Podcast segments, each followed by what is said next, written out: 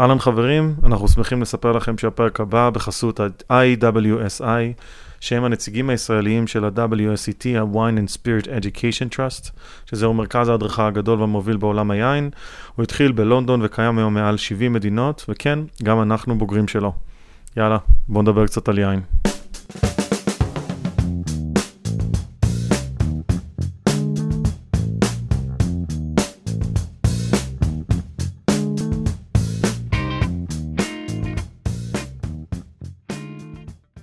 אהלן חברים, ברוכים הבאים למוצר צריכה בסיסי, מה קורה גיא? טוב מאוד, טוב מאוד, איך אתה? אני בסדר גמור, בשיא הלחץ, בציר, אה, וואו. בציר קורה ברגעים אלה. אה, האמת היא שאנחנו בחצי הדרך אה, הבטוחה בציר שהסתיים לו באהבה ובשמחה, אבל... אבל רק חצי הדרך? חצי הדרך, אנחנו אני חושב שבצרנו משהו כמו קצת יותר משליש מכל מה שאנחנו נבצור uh, במהלך הבציר, ויש לנו עוד uh, כמה, כמה ענבים רציניים שאנחנו הולכים לבצור בשבועיים הקרובים, ובעוד, uh, לפי דעתי הסגרנטינו יהיה מוכן רק בסוף נובמבר. אז uh, אנחנו עכשיו בתחילת אמצע אוקטובר, יש לנו כן. קצת זמן uh, להסתכל על הענבים uh, מבשילים להם לאיתם. ואצלנו בישראל אנחנו כבר uh, לקראת סוף הבציר, הרבה מהיקרים כבר סיימו עם הבציר. אני חושב שזה זמן נהדר לדבר על בציר ולהבין קצת על מה, על מה מדובר. כן, אז uh, אני מקווה שנוכל לתת uh, uh, לעצמנו ולמאזינים שלנו קצת uh, רקע על הזמן הבאמת הכי עמוס של uh, יינן וקורם במהלך השנה, אבל זה בעצם תמצית העבודה הקשה במשך כל השנה והשנים. שקדמו לרגע הזה שהוא מאוד מאוד משמעותי לכל יינן שרוצה שיצא לו יין טעים וטוב, אז mm. הרגע הזה של המתי לבצור זה, ה... זה הרגע החשוב ביותר בשנה. אוקיי, okay. כן, כן, יש את האגדה הזאת שאומרת שייננים עובדים חודשיים בשנה במהלך הבציר, ושאר הזמן אה, אה, רק מעבירים פה ושם חבית ימינה-שמאלה, אז אה, אני יודע שזה לא לגמרי נכון, שיש לכם מה לעשות גם בזמן, uh, במהלך השנה, אבל אין ספק שמהלך הבציר עצמו, בכל העולם, uh, עוסקים רק בזה, וכולם מתגייסים ומביאים את, ה, את האחים והאחיות והסבים והדודות, וכולם uh, ביקב וכל מה שאפשר. אז uh, זה שהצלחנו ככה עכשיו להקליט זה נהדר, זה, זה יפה ולא מובן מאליו בכלל. ואמרת שאתם איפשהו בסוף השליש הראשון, לקראת החצי, מתי התחלתם לבצור? התחלנו לבצור, הבציר הראשון שלנו היה ב-23 לאוגוסט. Uh, בצרנו את הוורמנטינו, שזה זן לבן uh, יחסית מאוד מאוד uh, קליל ועדין, אז הוא בערך הראשון שיהיה, שהוא מוכן לבציר. יש לנו עוד כמה זנים, מה שאמרתי, לדוגמה סגרנטינו, שבאמת זה זן שהוא בכנות הפסיק להבשיל מבחינה סוכרית. הבריקס שלו, שאנחנו נשמח להסביר, בריקס זה... כמות הסוכר יחסית לנוזל שיש בענבים. Uh, זה ב, מהנתון הזה אפשר uh, להקיש כמה אחוז אלכוהול פוטנציאלי יהיה ל, ליין. Uh, אה, okay. אוקיי. לדוגמה, אני, לא, אני אזרוק פה כל מיני נתונים כן, ומספרים, כן. אבל הם, זה, זה רק פוטנציאלי וזה לא נתונים מדויקים, אבל אם אני בוצר ב-21.5 בריקס, רוב הסיכויים שהיין שלי יהיה בין 12 ל-12.5 אחוז אלכוהול. אוקיי, okay. אה, אנחנו נגיע עוד לבריקס כמו שצריך קדימה, בואו בוא שנייה רגע נדבר על, על המועד של הבציר ו, ובאמת מתי אה, אה, בוצרים. אמרת שאתם נמצאים בחצי, אה, ואתה נמצא במקום שהוא לא מאוד קר. נכון, אנחנו נמצאים, אז הענבים שאנחנו בוצרים השנה הם מגיעים מכל מיני אזורים בקליפורניה, שזה יכול להיות מהחלק הדרומי ביותר שהוא לואודאי, לא שהוא אזור שהוא יותר קרוב לסן פרנסיסקו, אזור שיותר קרוב למפרץ, אה, אזור שנחשב יותר חם, אבל יש בו רוחות מאוד מאוד חזקות ומאוד קרות שמגיעות מהאוקיינוס.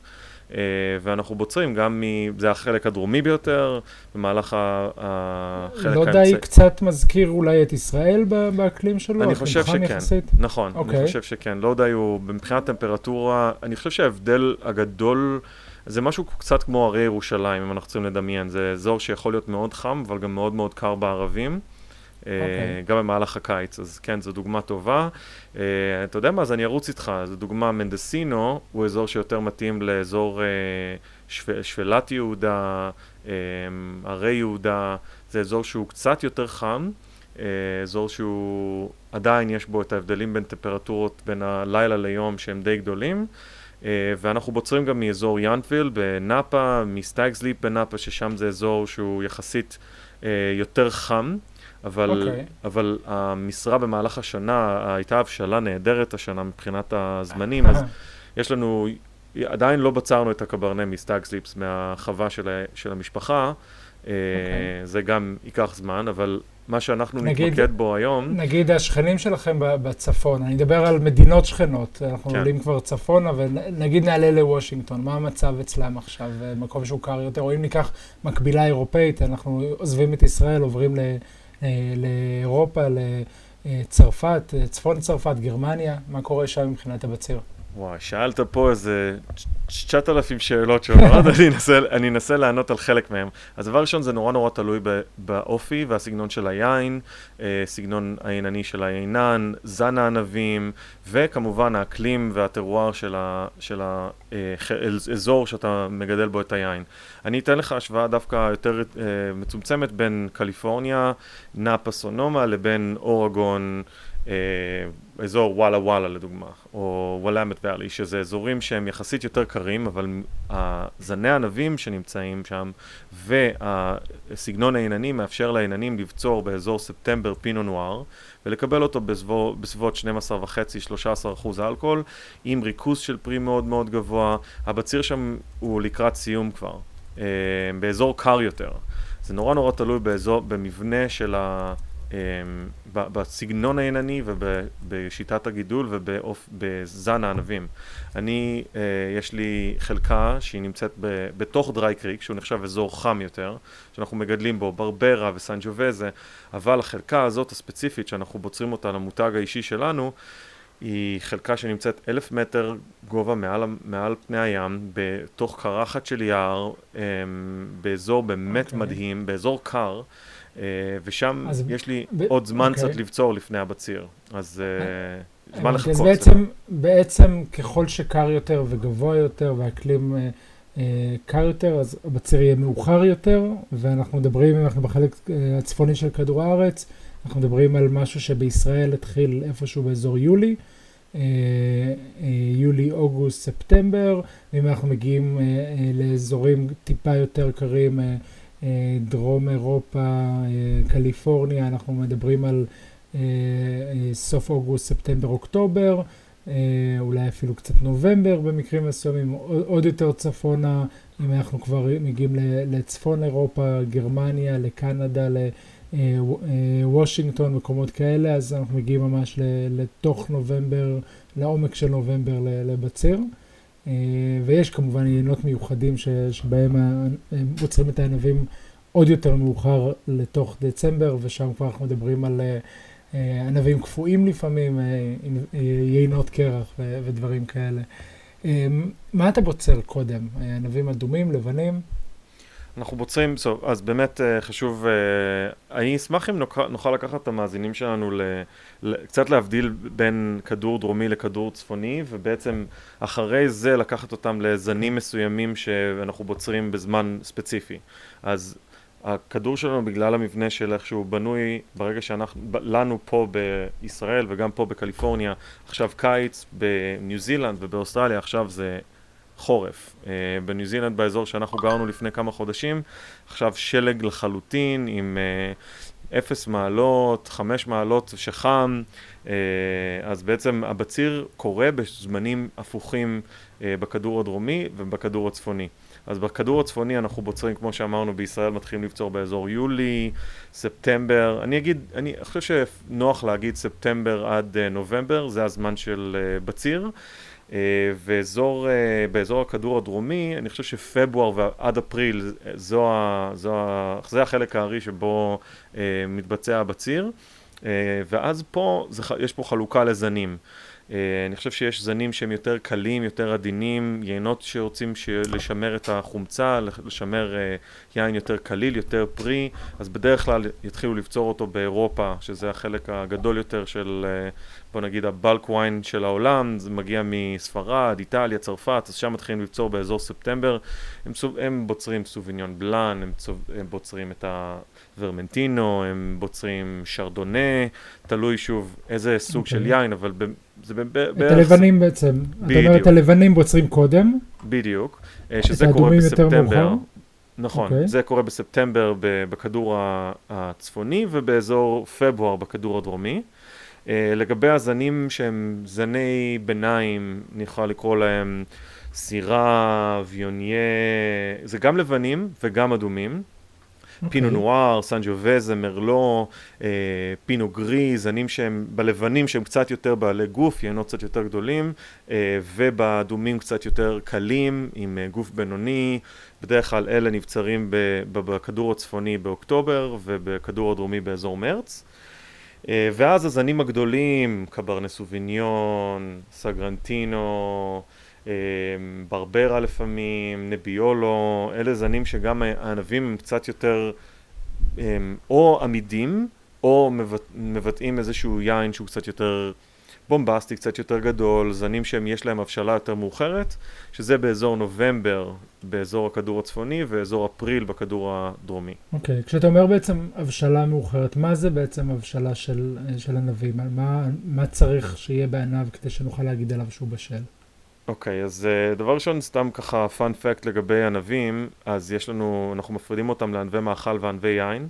ענבי מאכל, um, בדרך כלל הם בין 15 ל-17 אחוז סוכר, זאת אומרת שהמתיקות הזאת שאנחנו אוכלים מהענבים בסופר, הם יחסית מאוד מאוד לא מתוקים, כי הענבי יין הם מגיעים בין 22 ל-26 אחוז סוכר. שזה ריכוז של סוכר הרבה יותר גדול ומייצר יינות יותר מתוקים, כך שיש להם פוטנציאל לאחוז אלכוהול יותר גבוה. אז אמ, בעצם אה, אתה אומר בואו נפסיק לאכול ענבי מאכל ונעבור לאכול ענבי יין.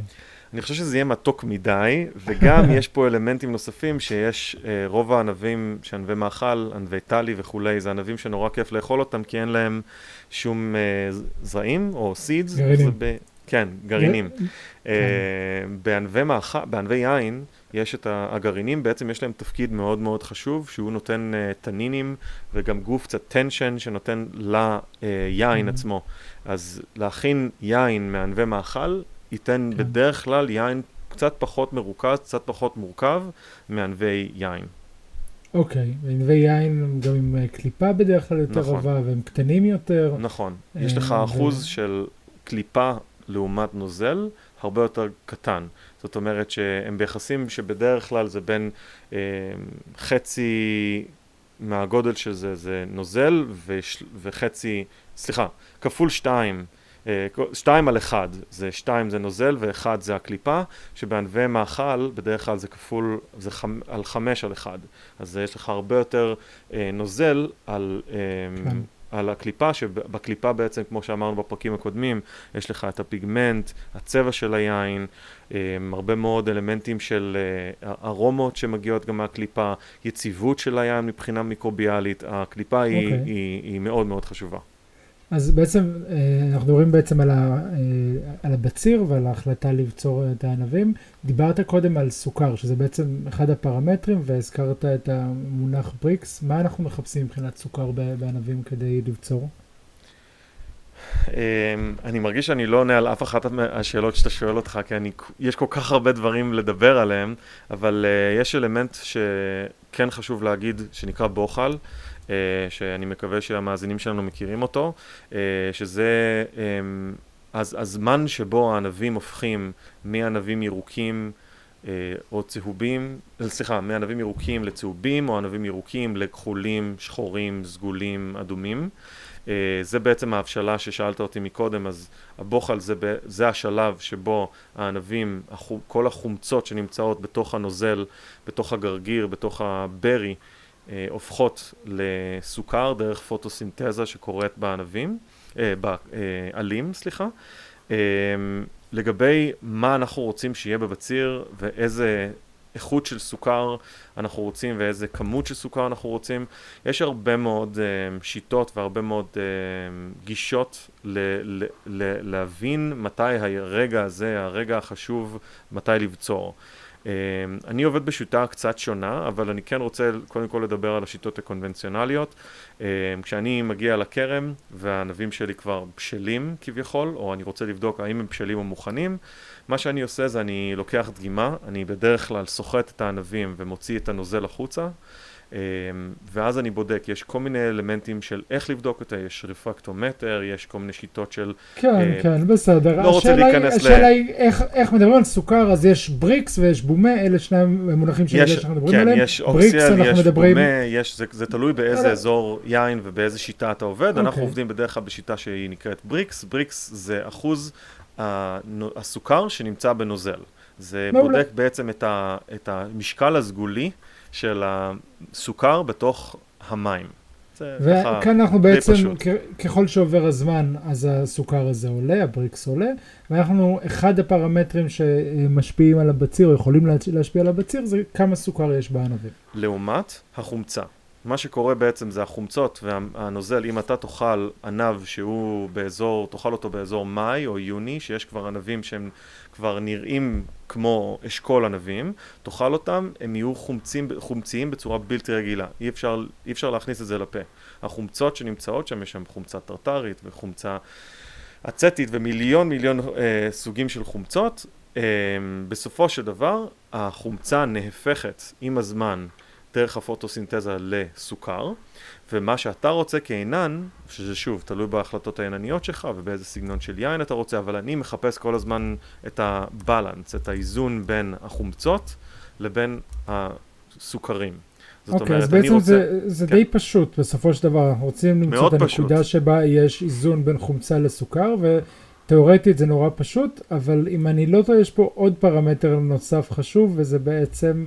אנחנו קוראים את זה, לזה נשמע נורא נורא גדול ומסובך, הבשלה פנולית, אבל תכלס הריחות של הענב שיהיו בשלים. ריח שהוא לא משהו ירוק כזה, שהוא בוסר. אני חושב שהבשנה פנולית, ואני יודע שאני ככה נוגע בנקודה מאוד מאוד רגישה, ואני חושב שהבשנה פנולית זה משהו שאנחנו אוהבים לדבר עליו, אה, אבל הוא משהו שהוא מאוד מאוד אה, אניגמטי, אה, מאוד מאוד קשה להבין אותו. ההבשלה הפנולית למיטב הבנתי קורית אחרי שההבשלה הסוכרית מסתיימת. זאת אומרת, לדוגמה, אה, יצא לך לטעום את הסגרנטינו שאני מכין בדוורו, זה זן שאנחנו בוצרים אותו בסוף נובמבר. לא משנה מה, היין יגיע ב-23 ב-23 בריקס. זאת אומרת שההבשלה הסוכרית שלו נעצרה. אני לא יכול לקבל יותר סוכר מזה. הדבר היחיד שאני יכול שיקרה זה שיהיה לי חום מאוד מאוד גדול והענבים יאבדו דרך אידוי של הנוזל בתוך הענב, ואז בעצם הבריקס יעלה, אבל הסוכר לא עולה. יורדת כמות המים. זאת אומרת שאם דיברנו על זה שהחומצות מתחלפות בתהליך של הפוטוסינתזה לסוכר, בתהליך הזה של אידוי זה כבר צימוק והצטמקות של הענב. מה שקורה okay. אוקיי. בסגנטינו, אם לא איבדנו את המאזינים שלנו עד עכשיו, הסגנטינו בעצם לא מצטמק, הוא שומר על המבנה המורפולוגי שלו ב- כמו, ככל אשכול, כל גרגר עדיין נשאר באותה צורה, הוא לא מאבד את הסוכרים שלו, לא, לא מעלה את הסוכרים שלו בגלל שהוא איבד נוזל, אבל מה שקורה אז, מתחילה הבשלה הפנולית. שההבשלה הפנולית היא הבשלה של ריחות וטעמים, ארומות ומורכבויות של הפרי, שמגיעות רק אחרי שההבשלה הסוכרית מסתיימת. אה, ואז okay. אוקיי. בעצם אנחנו נכנסים פה לאיזה דיון שהוא מאוד מעניין, האם בישראל, בלזנים שהם מבשילים די מוקדם, שצריך לבצור אותם כדי לקבל את האיזון הזה בין חומצות לסוכרים, כדי שיהיה יין מאוזן, טעים, עם חומצה טובה, עם גוף טוב וגם עם מורכבויות של טעמים וריחות, האם אפשר להגיע להבשלה פנולית מאוד מאוד גבוהה שאתה צריך לבצור מאוד מאוד מוקדם? מה אתה אומר על זה, גיא? אמ, האמת שאת המשפט האחרון שלך, משום מה לא הצלחתי, לא הגיע אליי עד לישראל. זה בסדר גמור, יש פה, יש פה הבדל של קליפורניה, קליפורניה תל אביב. הוא עוד בדרך. אני, אני רק uh, מתעניין ו, וסקרן להבין האם אתה חושב שהבשלה פנולית יכולה לקרות באזור שהוא כמו בישראל לדוגמה, או במדבר, שאתה צריך לבצור את הענבים מוקדם יותר, בהנחה שאתה לא מוסיף חומצה ליין שלך כדי לשמור על המבנה אוקיי. הכימי שלו, האם יכולה להגיע הבשלה פנולית ברגע שאתה צריך לבצור ענבים שהם צריכים להיות בבציר מוקדם יותר כדי לשמור על רמת האיזון של הסוכר והחומצות? אוקיי, okay, אני חושב שזה בעצם שאלת המיליארד דולר, או איך שלא נרצה לקרוא לזה. אה, הציגו את זה בצורה נורא יפה ב, ב, בסרט בחזרה לבורגונדי, שהם מתלבטים מתי לבצור, ו, והשכנים כבר בוצרים, ויש להם תמיד את התאריך הקבוע של הבציר, והוא, והוא עובר, והוא מחכה עדיין, מתלבטים אם לבצור או לא לבצור, ואז השכנה של הכורם, יינן, אומרת לו, תטעם את הענבים.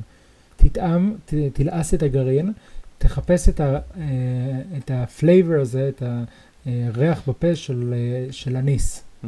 של, אה, של licorice, mm-hmm.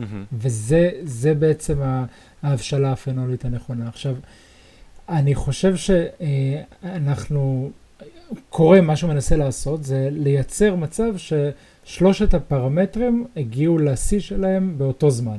חומצה, סוכר והבשלה פנולית. Mm-hmm. כדי לעשות את זה, אתה צריך לעשות הרבה מאוד דברים כקורם. לדעת אה, אה, אם להשקות, כמה להשקות, באיזה צורה, איך לטעת מראש את הגפנים, אה, מזרח, מערב, צפון, דרום, אה, אה, צינון של הענבים עם רוח אה, ומניעה של כל, כל מה שישפיע בסוף על קצב ההבשלה של הענבים לקראת הבציר.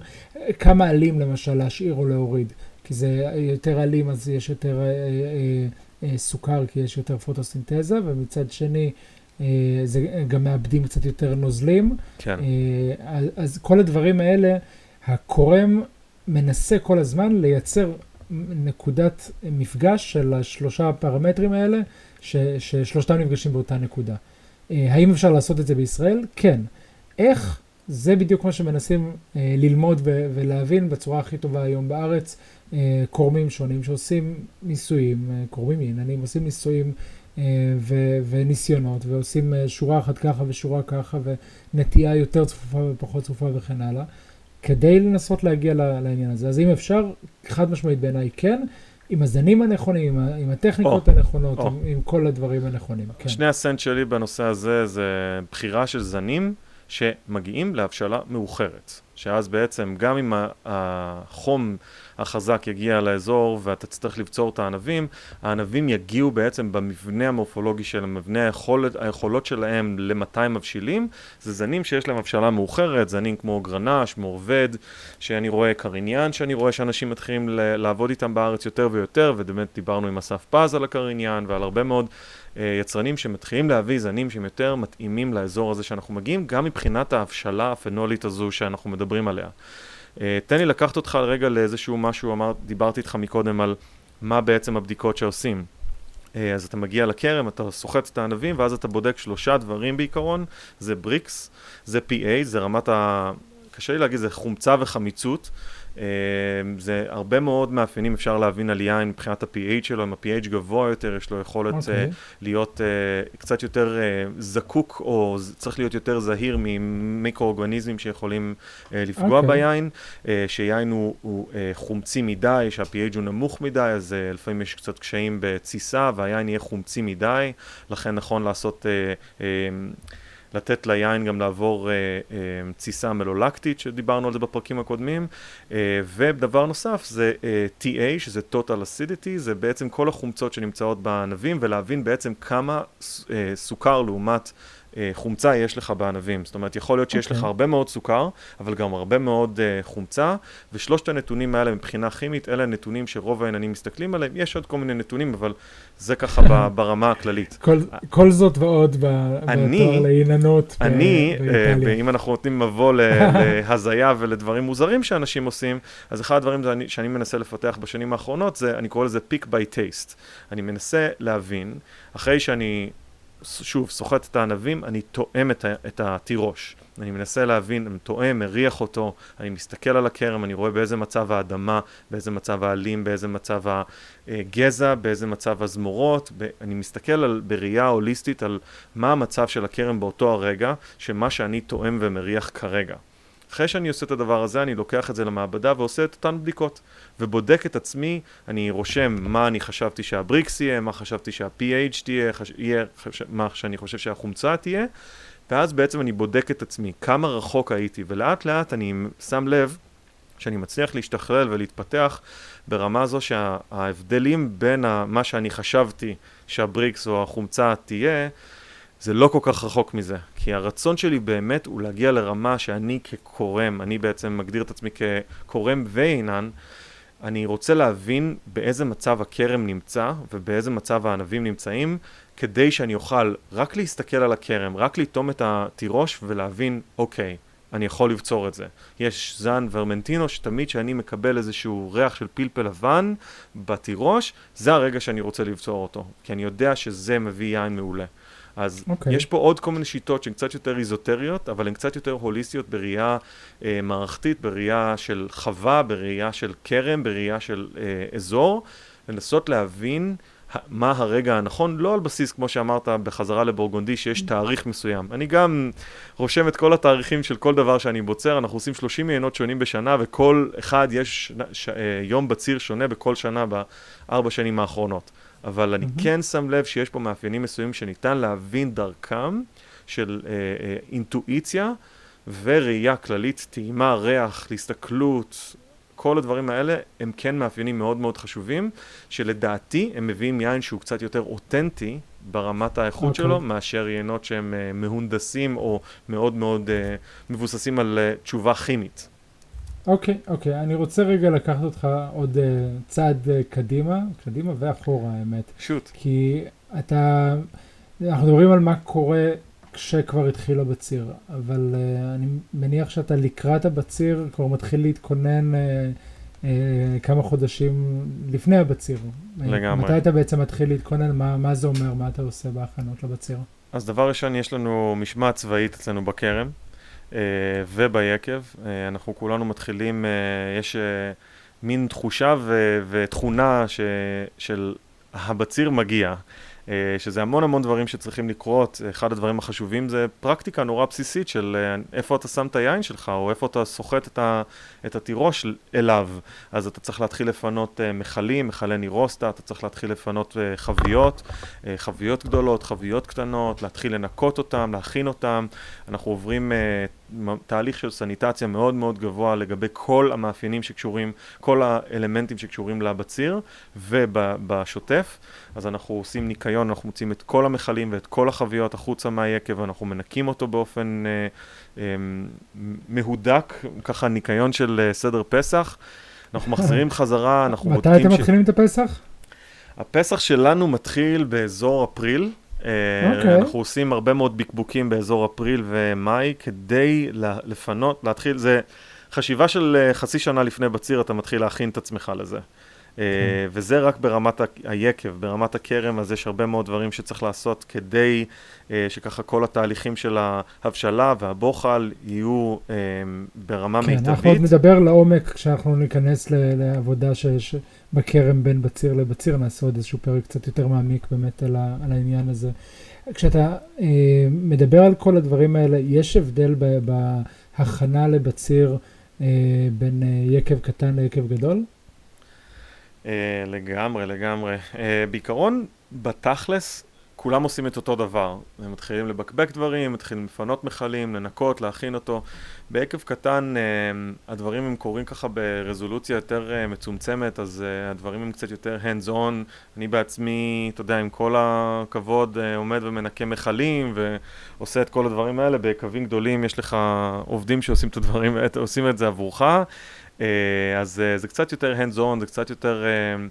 אה, יש, יש מאפיינים אבל שכן הייתי שמח לדבר עליהם, כמו לדוגמה בבציר, בקווים קטנים, אז יש דברים שקורים כמו בציר ידני לעומת בציר אוטומטי או בציר מכני.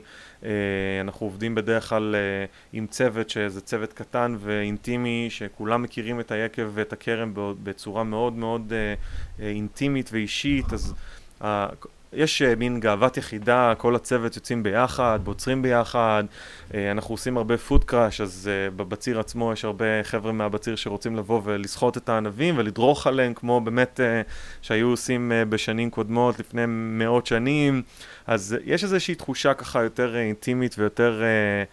כיפית ומשפחתית בבציר קטן, ביקב קטן, אה, לעומת יקבים גדולים שזה, אתה יודע, באים לעבוד, אה, זה עסק שרץ, זה מלח... ממש כמו אה, מבצע צבאי.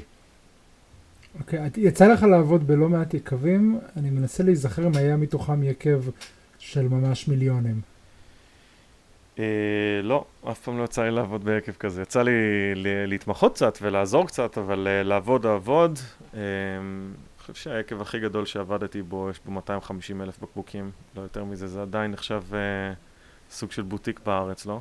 כן, בינוני קטן. כן. כן, okay. לא, לא יצא לי לעבוד בקווים גדולים. אני, אני יודע איך זה, אתה, ב, בלימודים, באוניברסיטה, אתה לומד איך אה, ל, ל, לטפל בשני המקרים.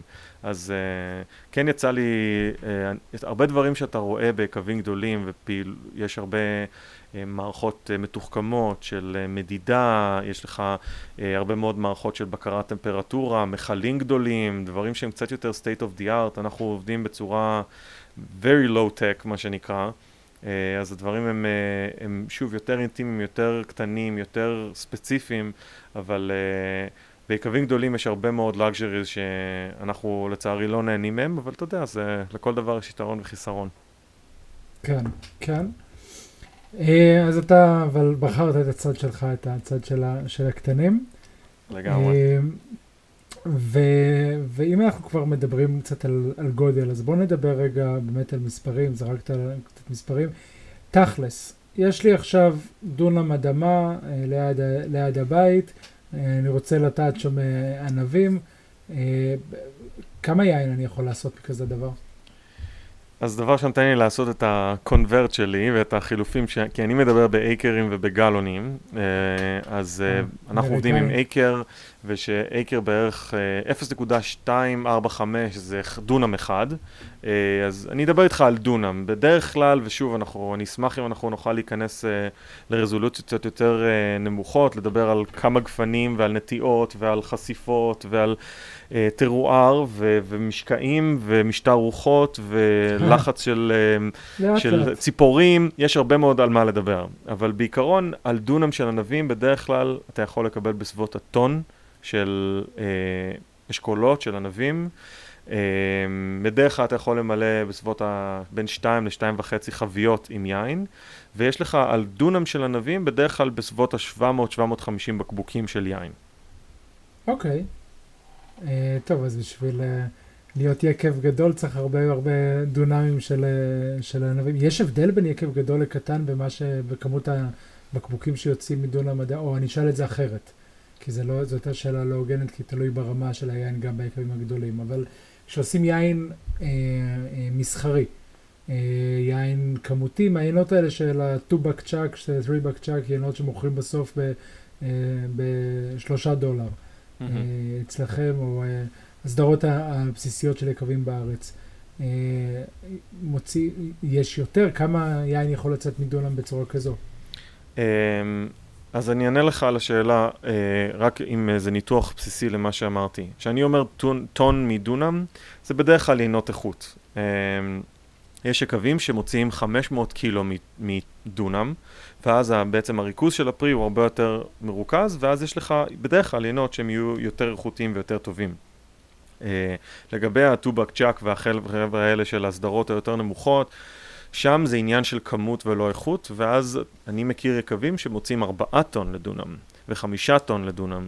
Uh, וצמח הגפן הוא צמח מאוד מאוד חזק, הוא יכול להוציא מלא מלא מלא פרי, ומה שאנחנו עושים במהלך השנה כקורמים, אנחנו כל הזמן restrain it, איך זה בעברית? אה, לרסן. לר, מרסנים אותו. כל הזמן אתה רוצה לשמור על איזשהו ריסון, אתה רוצה לשמור על איזושהי עקה, איזשהו מהלך שבו הכרם לא מרגיש נוח מאוד, כי ככל שאתה תיתן לכרם להרגיש שהוא באיזושהי מצוקה מסוימת של משקעים, של יותר מדי...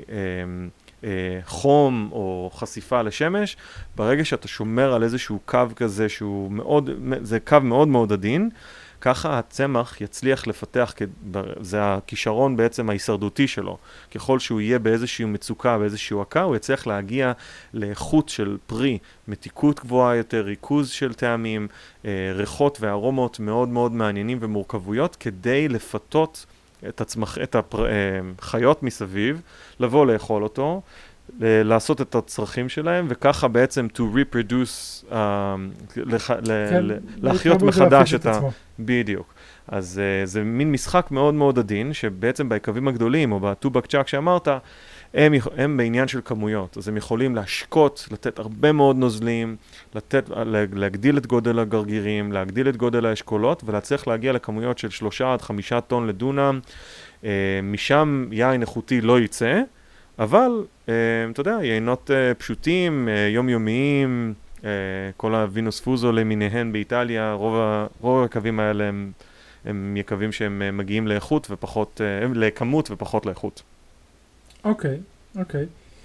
אמ, ואז הענבים מגיעים ליקב, אנחנו עוד נעשה איזשהו פרק אולי מעמיק על מה עושים אה, פיזית ביקב וכל התהליך של, ה, של קליטת הענבים ומיון וכן הלאה. תשמע, גיא, לא נעים, לא נעים. אנחנו, אנחנו מדברים פה חצי שעה, ואני מרגיש שעוד לא נגענו בקצה של הקצה של הקרחון.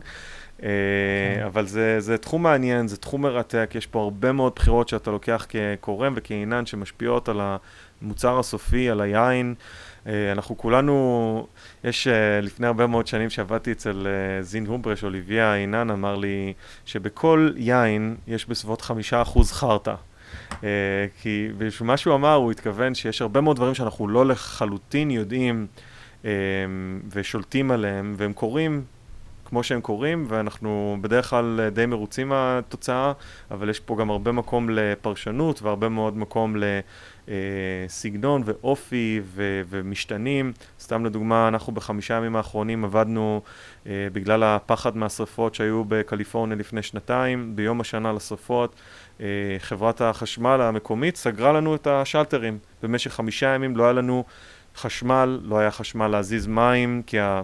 אה, אה, הפאמפ, המשאבות של הנוזלים לא עובדות, אז היינו צריכים למלא מכלים ולהרים אותם לקצה ההר כדי שיהיה לנו אה, יכולת לעשות סיפון למטה ולשטוף חלק מהדברים, והיינו צריכים להביא קרח, אה, והקיצר, מה שמנסה להגיד, לפעמים יש דברים שקורים במהלך בציר שהם לא מתוכננים, אבל אנחנו... כולנו מוכנים לכל תרחיש והכנו את כל הגנרטורים והצלחנו להעביר, להעביר את חמישה ימים האלה, אבל יש יקבים שאיבדו, יש לנו כמה יקבים מסביבנו שהגיעו לתסיסות של 100, 100 מעלות פארנהייט בענבים לבנים. שברגע שאתה מתסיס את זה, זה משהו כמו... בצלסיוס? אה, יכול להגיע גם לצלזיוס, אני חושב שמשהו כמו 40 מעלות. Okay. אוקיי. Uh, אתה רוצה לשמור את הענבים שלך, הלבנים הלבנים, כדי לשמור על הקריספיות והחומצה ועל על יינות שהם יהיו יותר מהודקים ואלגנטיים. אתה רוצה להבציס אותם ב-15-17 מעלות כדי לשמור על האיכות של הפרי, וברגע שאתה מגיע ל-35-40 מעלות, אתה מקבל יינות שהם מאוד מאוד בשלים, מאוד גדולים, מאוד בומבסטיים. אז uh, אתה יודע, יש הרבה עניינים שאכלו אותה, uh, אבל זה חלק מהחיים, זה חלק מהטרוואר. אז אתה אומר בציר 2019, אה, סונומה, צריך, אה, צריך לבדוק בדיוק מי העינן ומה עשו ואיזה יקב ומה היה שם, אה, איזה זן ענבים בהתאם לחשמל שלא עבד. שאלה נוספת, זו, כן. לעומת זו, הבציר היה בציר מאוד מאוד דל מבחינת כמות של ענבים בסונומה, אז כשקיבלנו פרי, אה, קיבלנו פרי בדרך כלל בין 30 ל-50 אחוז פחות ממה שאנחנו מקבלים בדרך כלל, מאותה חלקה, אה, וזה מראה על הרבה מאוד אה, ריכוז של טעמים וריחות, אז שימו לב לסונומה 2019, יוצאים שם דברים סופר קול. אוקיי, אוקיי. זה מעניין, וגם בארץ יש יותר ויותר עיינות אמריקאים עכשיו, אפשר באמת לראות עוד ועוד יקרים שמגיעים, אז יהיה לנו מעניין. אה, לראות ולחפש את זה כאן, ואני בטוח שבציר 2019 יהיה מוכן, אז אה, יגיעו עוד כמה יקבים חדשים לארץ. אה, שאלה אחרונה, נגמר הבציר, מה עושים, מה ינן עושה? מה אתה הולך לעשות בסוף בציר? איך אתה חוגג? לא, אנחנו לא באמת עובדים קשה, אנחנו בטח נצא לחופשה, נעשה איזה משהו כזה. לא, אחרי בציר, אנחנו, אתה יודע, יש איזה משהו שאנחנו תמיד עושים, אנחנו תמיד מקווים שיהיה גשם ישר אחרי הרגע, הרגע אחרי שאתה בוצר את הענבים, הכרם עובר איזושהי מצוקה כלשהי, כי אתה לוקח לו את כל האנרגיה ואתה משבש לו את כל המבנה הביולוגי שלו, אז אחד הדברים הנכונים זה שאו שירד גשם או שאתה משקיע אותו. אה, אז אחד הדברים שאנחנו באמת אה, כל הזמן אומרים זה אנחנו מקווים שאנחנו כבר מתחילים לעבוד על הבציר של שנה הבאה, רגע אחרי שבצרנו. אה, אז זו עבודה שלא נגמרת, זה אורח חיים, זה, זה לייפסטייל. אני... מאושר ואוהב את מה שאני עושה, אז אני לא, לא מרגיש שאני ככה בקצה גבול היכולת, אני מרגיש שאנחנו כבר מתחילים לעבוד על uh, בציר של השנה הבאה, עוד לפני שסיימנו לבצור את השנה הזאת. אז uh, okay, אוקיי, העבודה okay. אוקיי. רק מתחילה. מעולה, טוב, אין לנו עוד הרבה לשמוע ולשאול. אולי גם תביא איתך לארץ כשתבוא לבקר אה, כמה מהדברים שיצאו לכם. היה תענוג, קצר מדי, אנחנו... נוסיף ונעשה פרקים נוספים, כמו שאמרנו, על, על דברים נוספים שלא דיברנו עליהם. ואם יש משהו שאתם רוצים שאנחנו נדבר עליהם, אה, רעיונות לפרקים, או אנשים שהייתם רוצים שנראיין, אתם מוזמנים לעלות ולדבר על זה אה, בפורום שלנו, פורום יין של אה, מוצר צריכה בסיסי. אה, תודה רבה. תודה גיא, היה כיף, ובאמת אני, זה רק הקצה, אבל uh, זה כיף, כיף לקשקש על זה קצת ולדבר ולהסביר לאנשים, כי אנחנו שומעים הרבה שאלות והרבה אנשים שתוהים בדיוק מה קורה ומה זה הבציר הזה שכולם מדברים עליו, אז uh, אני מקווה שאולי הצלחנו לתת, להראות קצת צד אחר של זה, או בעצם כמה מעניין ומרתק הזמן הזה של השנה. בהצלחה בבציר, תעשה לנו יינות טעימים. אמן אמן. יאללה, ביי ביי. ביי גיא.